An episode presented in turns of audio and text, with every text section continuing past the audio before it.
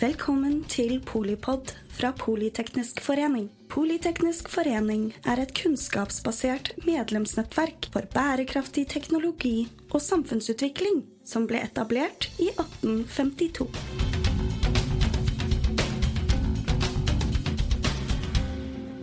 Velkommen til eh, Polipod og episoden om eh, hva som skjer med bruk av solenergi i Norge.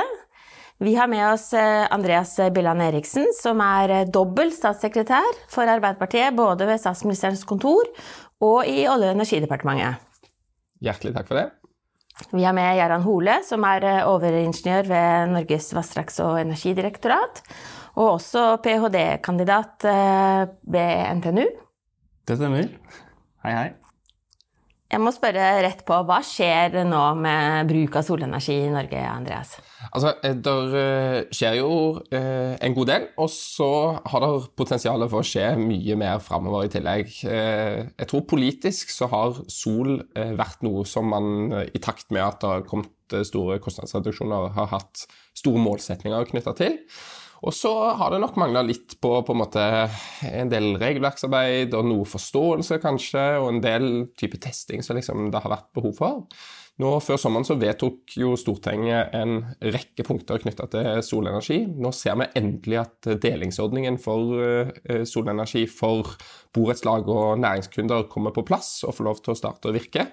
Så vi har kommet dit at uh, snøballen har eh, begynt å rulle politisk, og jeg tror vi kommer til å se at det skjer mye mer i årene framover.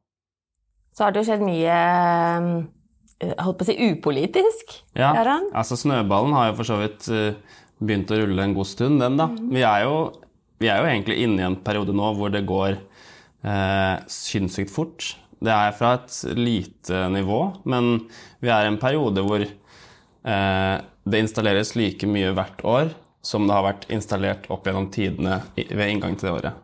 Så Eksempler på det er at ved inngangen til 2022 så hadde man eh, gjennom alle tider i Norge bygget 150 megawatt. Da. Vi kan jo komme tilbake til det, men uh, uh, poenget her var at i 2022 så installerte vi 150 megawatt til.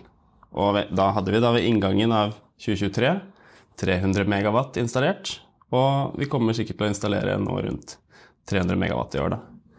Så akkurat nå går det jo veldig, veldig fort, og så gjenstår det å se eh, hvordan den eh, utviklingen fortsetter, da. Eh, det kan jo ikke fortsette på, den, eh, med den veksten evig. Det, det, det har man jo sagt, eh, type IA har sagt det eh, tiår etter tiår, egentlig. At vi tror ikke på den eksponentielle veksten, men det har jo Eh, blitt gjort til skamme, den, den type prediksjoner. Men, eh, og, og, der tror jeg, jeg er jo helt enig i det eh, Jaran sier. Eh, og så er det jo på en måte, når mitt poeng er at det fortsatt kan, kan skje mye mer, så er det jo at eh, 150 megawatt er en del, hvis vi ser liksom bakover. Eh, og så har vi potensialet for ganske mye mer hvis vi ser framover. Energikommisjonen sier at det er realistisk med 5-10 TWh med solkraft innen 2030 i Norge. Og skal vi nå det, så skal det skje ganske mye mer i årene framover. Men du kan jo si, fordelen med solkraft eh, det er jo at eh, det kan være ganske enkelt å installere, særlig hvis du putter det på tak. Eh, og så har jo da kundene sjøl ganske stor makt og myndighet over hvordan de disponerer taket sitt, om de har lyst på solen Eh, paneler eller ikke. Og Det gjør jo at en del sånne faglige prediksjoner eh, litt enklere kan bli gjort til skamme enn på en del andre områder, fordi at det er så enkelt å ta i bruk. Det er så på en måte desentralisert, den beslutningen om å bygge ut solkraft eller ikke. Og det er jo noe av det som gir det så fantastisk stort potensial, da, fordi at det kan skje raskt. ved, at, ved at kunder bare bestemmer seg for at dette er noe de har lyst til å gjennomføre sånn i praksis. Og, og, poenget var ikke at det ikke vokser videre, men, eh, men, eh, vi kan jo også se litt på altså landene rundt oss. Eh, våre nærmeste naboer, Sverige og Danmark, liker vi å sammenligne oss med. ikke sant? De, I Sverige installerte de eh, ikke i størrelsesorden 100, men 1000, altså 1 gigawatt i fjor. Og de er vel på 3 gigawatt og forventer 3 terawatt-timer fra solenergi i 2023. Eh, det begynner jo å bli Det er ganske mye. Det begynner jo å bli prosenter, mens vi har snakket om promille lenge. Og i Danmark så installerte de vel omtrent halvannen gigawatt og er på rundt fire, og det er jo nei, tilnærmet fire, da. Så det betyr at de installerer eh, Altså de legger til eh, størrelsesorden 1 TWh hvert år, ikke sant. Eh, så det er jo Da begynner det å bidra, da, ordentlig. Og det er jo også det som eh, vi skrev et høringsinnspill til Energikommisjonen. Eh, hvor de, de, sier at, de både, eh, at det både er behov for 40 TWh ny produksjon innen 2030, i tillegg til at man skal energieffektivisere 20 TWh.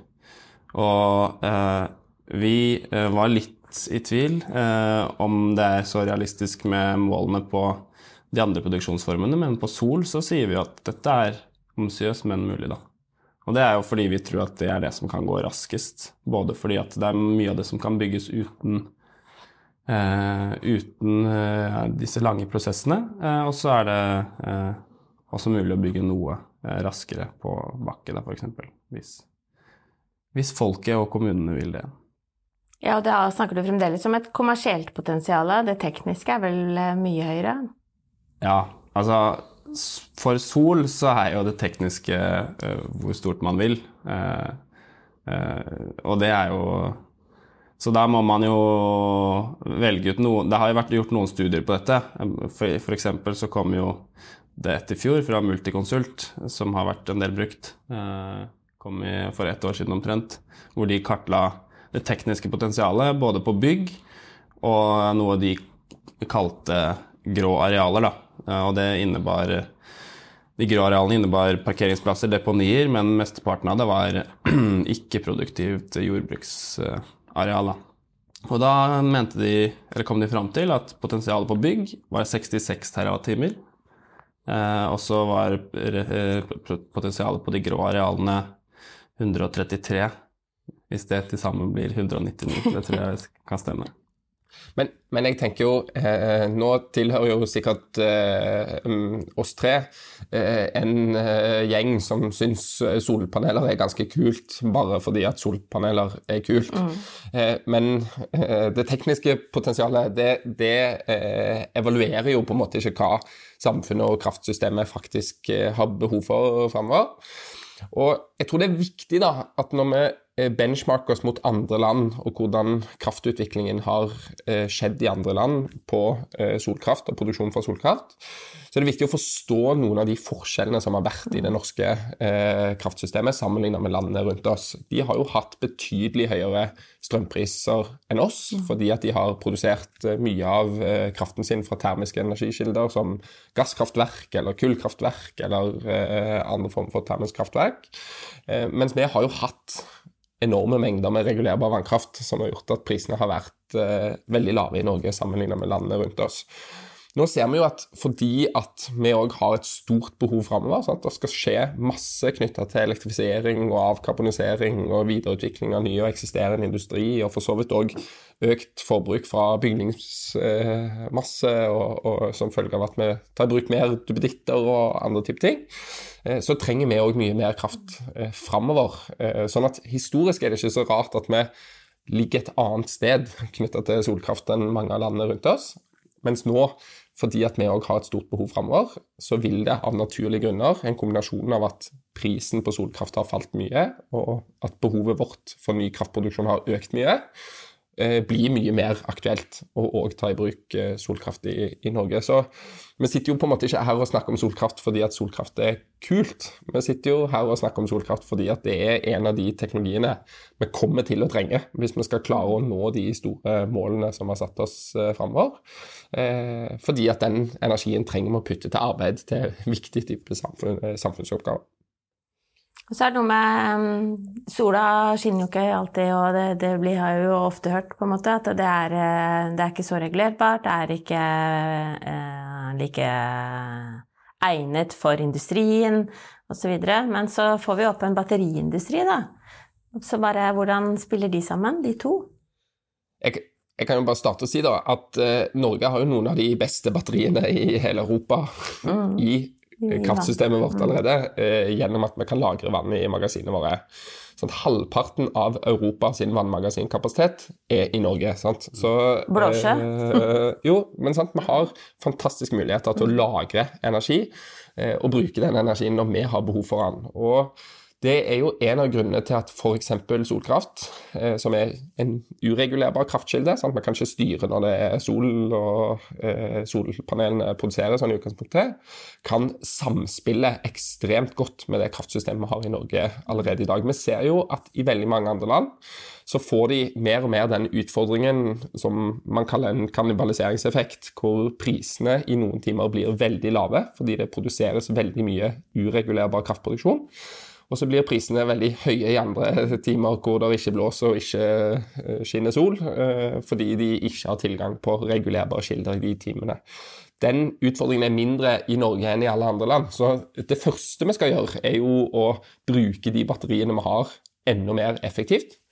Og så kommer vi nok i Norge òg til å se, eh, og særlig hvis man får til å bruke solpaneler sammen med elbilbatterier f.eks., som er batterier vi kommer til å ha tilgjengelig uansett, til å se den type eh, samspill mellom det vi er mer vant til å tenke på som eh, batterier i kraftsystemet eh, framover. Men så, vi skal nok være ærlige om at eh, stasjonære batterier, altså det å installere et liksom, permanent nytt eh, batteri eh, i kraftsystemet for å drive og balansere produksjon, er nok eh, mer aktuelt i en tidligere fase i en del andre land. Og så kommer vi nok til å se at det blir mer aktuelt i Norge på sikt, etter hvert som vi òg eh, øker produksjonen av uregulerbar kraftproduksjon en god del.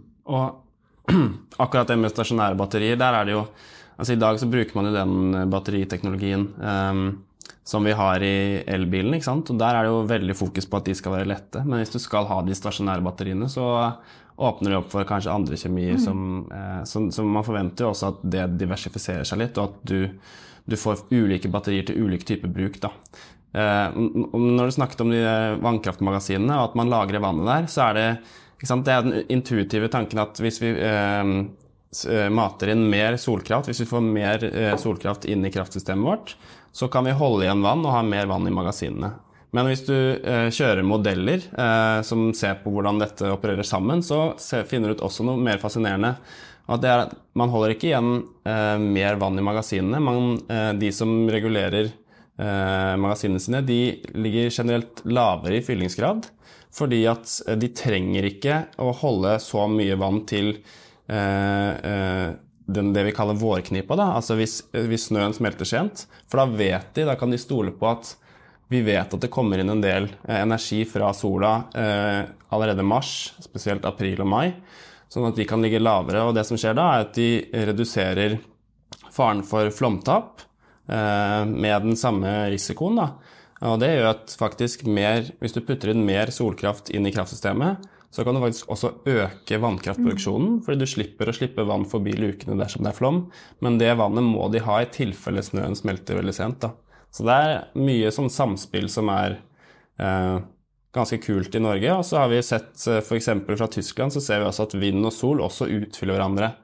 Eh, hvis du har eh, 10 gigawatt sol og 10 gigawatt vind, så er det veldig sjelden 20 gigawatt produksjon. Det er eh, de, de, spiller uh, hverandre gode, da, på en måte, og fyller inn i gapene. Så uh, det er også et selvstendig poeng. Og når vi skal bygge ut mer energi og diversifisere tilbudssiden vår, da, sånn at vi ikke er så eksponert f.eks. For, for tørrår, eller og at de kan fylle ut hverandre. da. Det, altså, den norske kompetansen da, på både eh, naturressurssiden, men ikke minst eh, den dere besitter da, rundt eh, det å operere et energisystem eh, gjennom generasjoner, egentlig, det er jo en, en, en hidden gem, tenker jeg, på å, å få nok, eller, nok energi tidsnok. Vi snakker 2030. Ja, jeg tror ikke vi skal liksom underdrive at det er en ganske formidabel oppgave vi står overfor. Og den må jo løses med et ganske bredt sett av verktøy og, og virkemidler. Det, sant, på, det, første er jo liksom passe på at vi har regulering av regelverk da, som er godt, godt tilpassa det vi skal gjennom. Der er jo på en måte utfordringen at vi har et eksisterende kraftsystem som vi skal passe på at vi tar vare på alle kvalitetene ved. Samtidig skal vi legge godt til rette for implementeringen av nye eh, eh kraftkilder, sånn som sol. Og, og, det er ikke alltid sånn helt enkelt. Altså, re Regelverksprosesser har en tendens til å liksom holde litt igjen, og det er det veldig gode grunner til. Eh, men, men, det gjør nok at noen syns at den liksom, regelverksbiten går litt seint, og der må vi liksom passe på at vi har tilstrekkelig tempo i de de tingene som vi trenger å gjøre, og etter hvert som vi får mer erfaring, sånn som Jaran òg eh, peker på, sørge for at de erfaringene blir til på en måte muligheter da, som gjør at aktører kan agere på det sånn i praksis. Og så må vi jo ha riktige former for liksom, støtteordninger og sånn, som bidrar til å liksom, få ting i gang. Eh, eh, og Der har vi jo f.eks. sagt eh, fra regjeringens side at vi kommer med en handlingsplan for eh, energieffektivisering i hele økonomien og sånn eh, i statsbudsjettet nå i høst, som er liksom viktige grep for å sørge for eh, at vi legger til rette for at man bruker mer energi effektivt, og at man òg legger godt til rette for å produsere egen energi der man kan gjøre det sånn i praksis.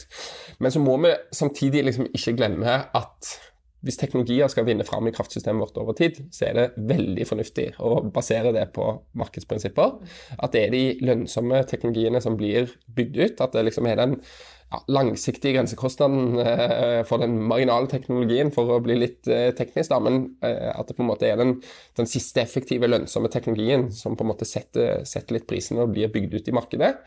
Eh, og det òg eh, vil jo avgjøre F.eks. hvor stort eh, sol blir. Og jeg tror jo absolutt at sol har potensial i en eh, norsk setting. Det er en grunn til at vi bruker mye tid på det fra den politiske siden, og at man bruker mye tid i regelverk og i byråkrati og sånn på å jobbe med eh, solteknologi.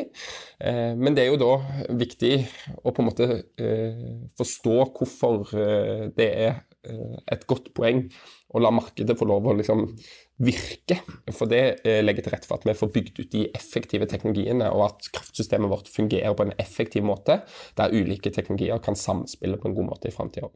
Da er liksom kjernen i det med å få ting til å funke på en effektiv måte, er at når du har dette markedsprinsippet, da, og, og, du vil at de eh, fornuftige og effektive teknologiene eh, bidrar der de kan, så må jo også forvaltningen sørge for at eh, eh helhetsperspektivet er ivaretatt. Og eh, der har vi jo noen diskusjoner og sånn avveininger med solkraft. Da, for eh, Bl.a. med tanke på hvordan får man sol inn i nettet på en fornuftig måte. Mm. Og det, det, er jo egentlig en kanskje av de to store eh, problemstillingene eh, eller diskusjonene rundt eh, og der man må tenke litt eh, i Norge for å, for å løse disse problemene. Det er jo sånn rett og slett at når det kommer mye sol ute på hustak i noen områder, så, så er ikke nettet dimensjonert til å takle at strømmen plutselig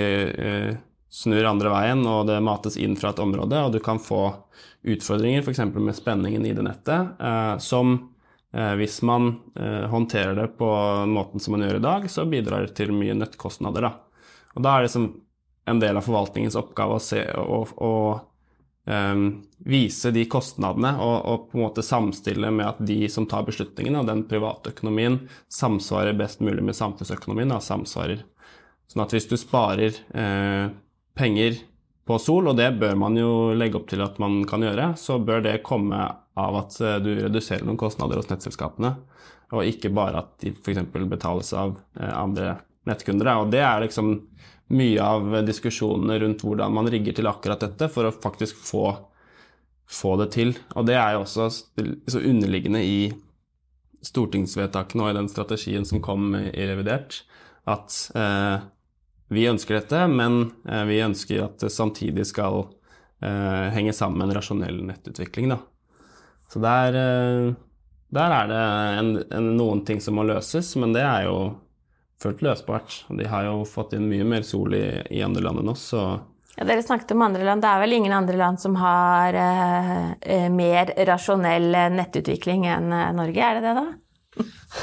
det er jo et veldig godt spørsmål. Vi har, eh, vi har et veldig godt nett, i hvert fall i Norge. Mm. Eh, altså, jeg tror en del mennesker glemmer litt av og til hvor heldige vi er. Sant? For vi har eh, hatt tilgang på så mye billig elektrisk energi eh, i Norge eh, at for oss har det vært eh, rasjonelt å bruke strøm til mye mer enn mange andre land har gjort. Sant? Så norske husholdninger har vel et snittforbruk på sånn 17 000-18 000 kWt i året, eller noe sånt, som jo er skyhøyt over andre land. Ikke fordi andre land bruker mindre energi enn oss, men de bruker f.eks. gass til å varme opp husene sine og eh, eh, en del andre eh, energikilder enn oss eh, sånn i praksis. Og det gjør jo at eh, vårt distribusjonsnett, altså det nettet som går hjem til deg som strømkunde, er jo veldig godt dimensjonert. Sant? For mm. eh, vi bruker nettet til mange ting allerede i dag. Eh, og det gir oss jo mye å spille på. Og jeg husker jo for noen år siden så var det jo gjerne liksom to ting man var eh, bekymra for fra liksom, nettselskapene sin side. Det var eh, å få elbiler inn i nettet, at det kom til å liksom, skape masse problemer for nettet. Og så var det å få solkraft inn i nettet. Det kom til å liksom, skape masse problemer. Nå begynner vi å få noen år med erfaring, og jeg har jo lyst til å si at vi skal ikke underdrive at begge de to oppgavene eh, kan skape problemer hvis det blir gjort feil. Sant? Det er det ingen tvil om.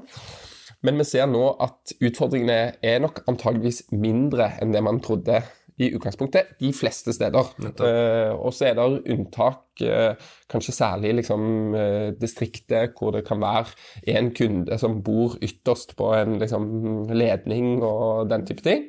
men mange steder i Norge, fordi at vi har bygd opp den infrastrukturen som vi har bygd opp gjennom 120 år, har vi en veldig god infrastruktur som utgangspunkt, og som legger veldig godt til rette for at vi mange steder kan produsere mye solkraft. Forutsatt at vi kombinerer det med eh, fortsatt klok nettutvikling. Eh, at vi kombinerer det med å ta i bruk ny teknologi, f.eks., som gjør at eh, vi kan optimalisere bruken av eh, kraftsystemet vårt i stort, og ting hjemme i og for seg, eh, i den grad det er mulig. Eh, og sørge for at de tingene balanserer hverandre på en smart måte. Det, det, gjør jo ikke sant? Vi, vi har et uh, gjennomsnittlig forbruk i Norge på ja, 16 eller 17 000 kWt. På kontinentet så er det liksom nærmere 3000-4000. Mm. Uh, så, det, så det er, gjør jo at vi har et veldig kraftig nett sånn generelt sett. Men det gjør jo også at vi kan installere veldig store solcelleanlegg i Norge, og det gjør vi jo.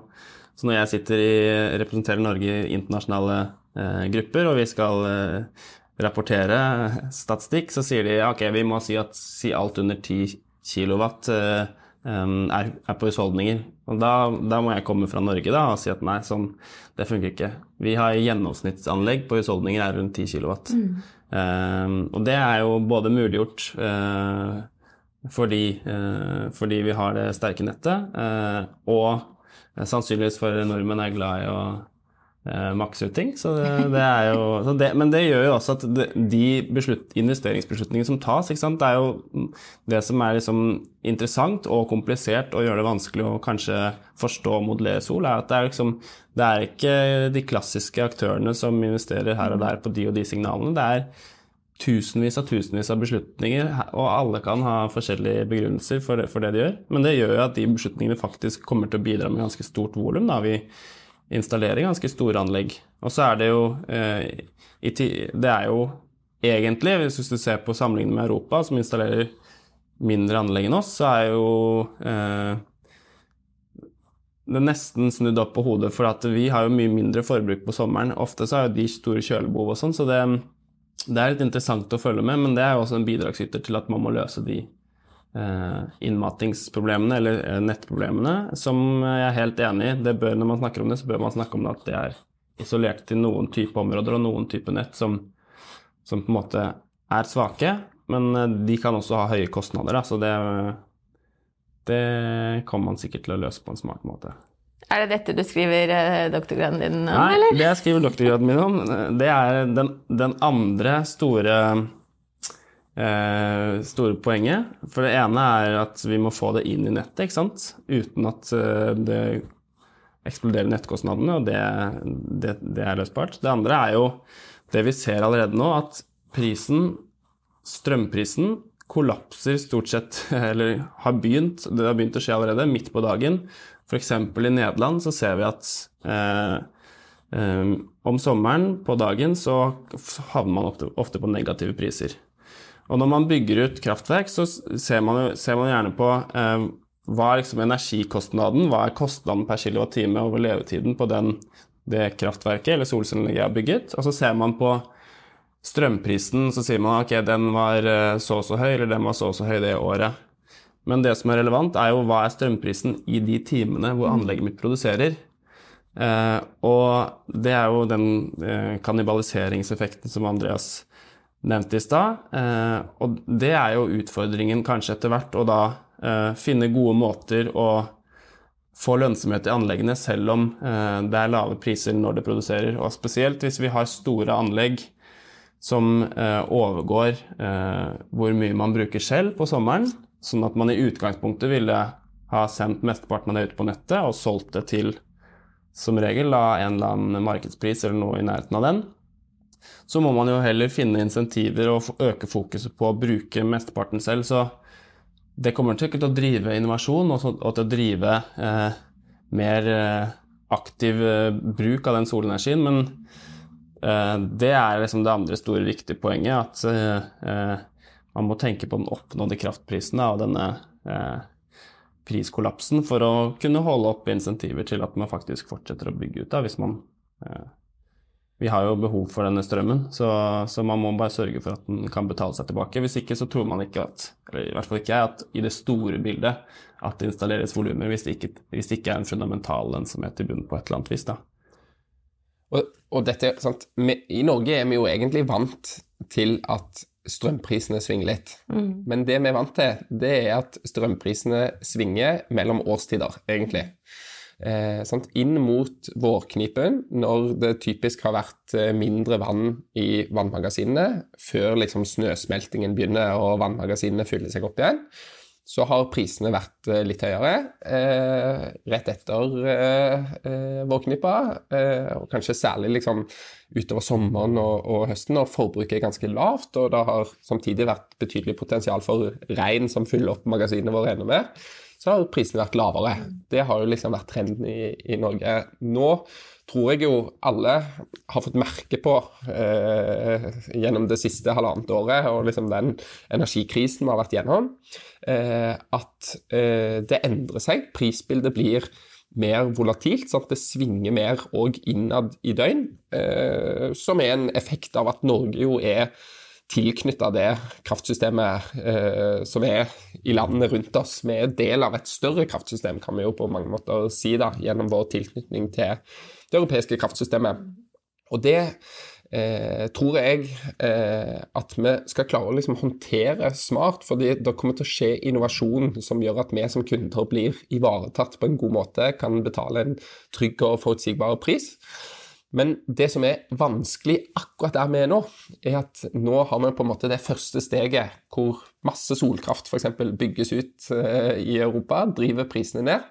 Og så er vi litt før den neste fasen hvor det kommer mer fleksibelt mm. forbruk, som kan bidra til å balansere dette på en god måte, eh, og mer innovasjon i produkter til oss som kunder, som legger godt til rette for at vi kan bli skjerma for noen av de prissvingningene og på en måte få mer forutsigbarhet i våre, våre priser. Mm. Mm. Så eh, det, det, kan vi bare si, det er jo kjempespennende på en måte, og samtidig litt krevende som kunde i dette kraftsystemet å liksom forholde seg til.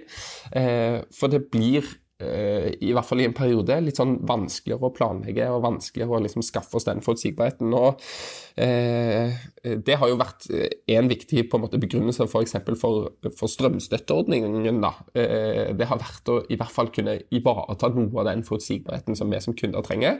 Fordi at ingen av oss i praksis klarer å liksom, løpe rundt og sjekke spotprisen time for time og liksom eh, sjøl slå av ting i huset vårt og sånn for, for, å tilpasse oss dette. Så her vil det være utrolig viktig at den solkraftrevolusjonen som liksom nå ser blir rulla ut eh, i Europa, og som eh, vokser fortere og fortere i Norge òg, at den blir kombinert med smart teknologi, smart innovasjon, eh, som gjør at eh, vi som kunder blir godt ivaretatt i kraftsystemet i framtida.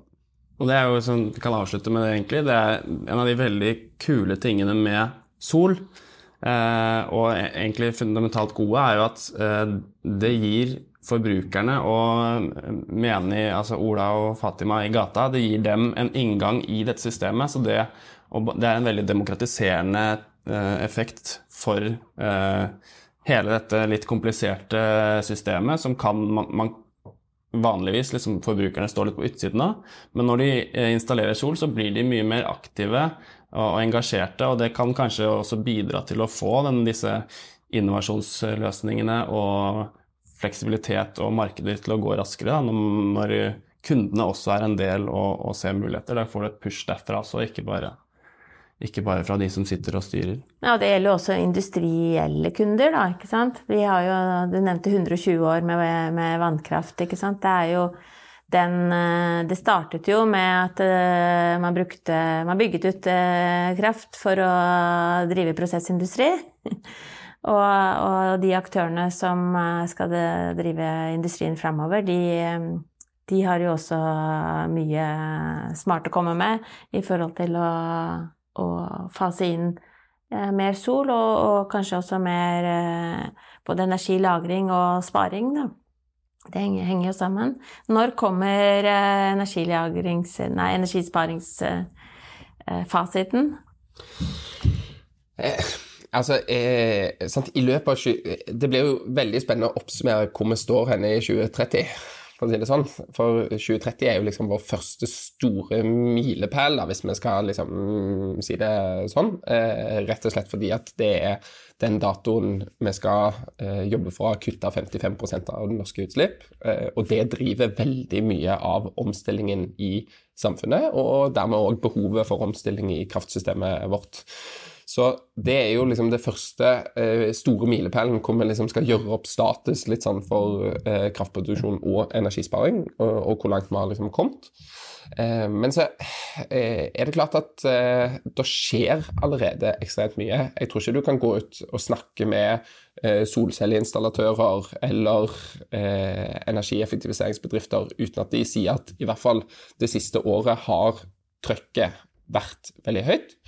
Og så ser vi nå at det er noen utfordringer knytta til kostnader i markedet, knytta til eh, at det skjer ting i økonomien som gjør at kanskje noe av dette avtar eh, litt. Det er jo i og for seg delvis naturlig, gitt at vi kommer ned igjen fra ekstreme strømpriser som vi liksom har sett eh, eh, det siste halvannet året.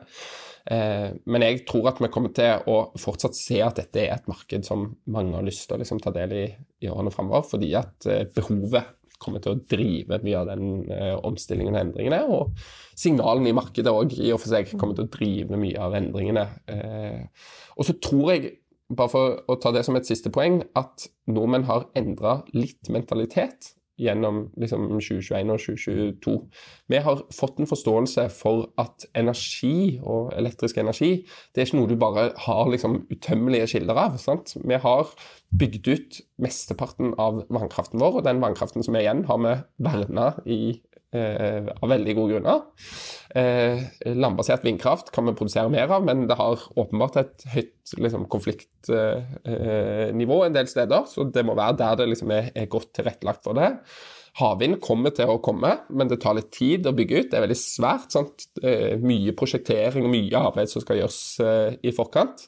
Så energisparing og eh, distribuert solkraft særlig, da, sant? at folk putter sol på takene sine eller på næringsbygget sitt, det er på en måte de to spakene vi har å trekke i på kort sikt, og som kan bidra raskt inn i det systemet som vi har allerede i dag. Og Det kommer òg til å være en viktig grunn til at vi kommer til å se at det liksom driver endring veldig fort, da, og kommer mer og mer i de nærmeste årene som vi har foran oss. Og det er jo utrolig spennende for alle som er interessert i solkraft. Da. For det gjør jo at vi egentlig år for år, i stedet for å måtte vente lenge på konsesjonsbehandling og uh, prosjektering og sånn, uh, kan gjøre litt opp status fortløpende for, for, hvor er vi henne, særlig på solkraft. da. Energisparing er litt vanskelig, for det vet vi ikke så mye om. For det er noe kunden liksom gjør hjemme hos seg sjøl, mens, mens uh, solkraft, som i og for seg kunden òg gjør hjemme hos seg sjøl, det er det vet vi litt om hvor mye blir installert. da, eh, og Det gir oss godt grunnlag for å følge med på utviklingen framover. Så der kommer jo oppdateringer hver måned der på både Elhub sine sider og NVE sine nettsider om eh, installasjoner, så det er bare å følge med. Følg med. Jeg vil si eh, skaff deg sol. Det er en oppfordring herfra. Det hører jo med at jeg har jo en fortid i sol selv, sånn at eh, Det er eh, gøy å se at eh, prisene er eh, så lave og teknologien er så moden at det på mange måter handler om å ta ut det potensialet ganske enkelt og greit, med veldig flinke folk som vet hvordan, hvordan det samstemmer med, med energisystemet for øvrig. Tusen takk, Andreas Bellan Eriksen, statssekretær for Arbeiderpartiet i Olje- og energidepartementet, men også hos Statsministerens kontor. Takk til deg, Jaran Hole, overingeniør i Norges vassdrags- og energidirektorat, doktorgradskandidat ved NTNU. Takk, takk. Takk. Veldig hyggelig å prate med dere. Og takk til deg som eh, har sol inne og sol ute når du hører på Polipod eh, når og hvor det passer deg. Takk for at du lyttet til Polipod fra Politeknisk forening. Få med deg flere episoder, eller bli med på nettverksmøtene, som du finner ved å søke at polyteknisk, eller gå på vår hjemmeside polyteknisk.no.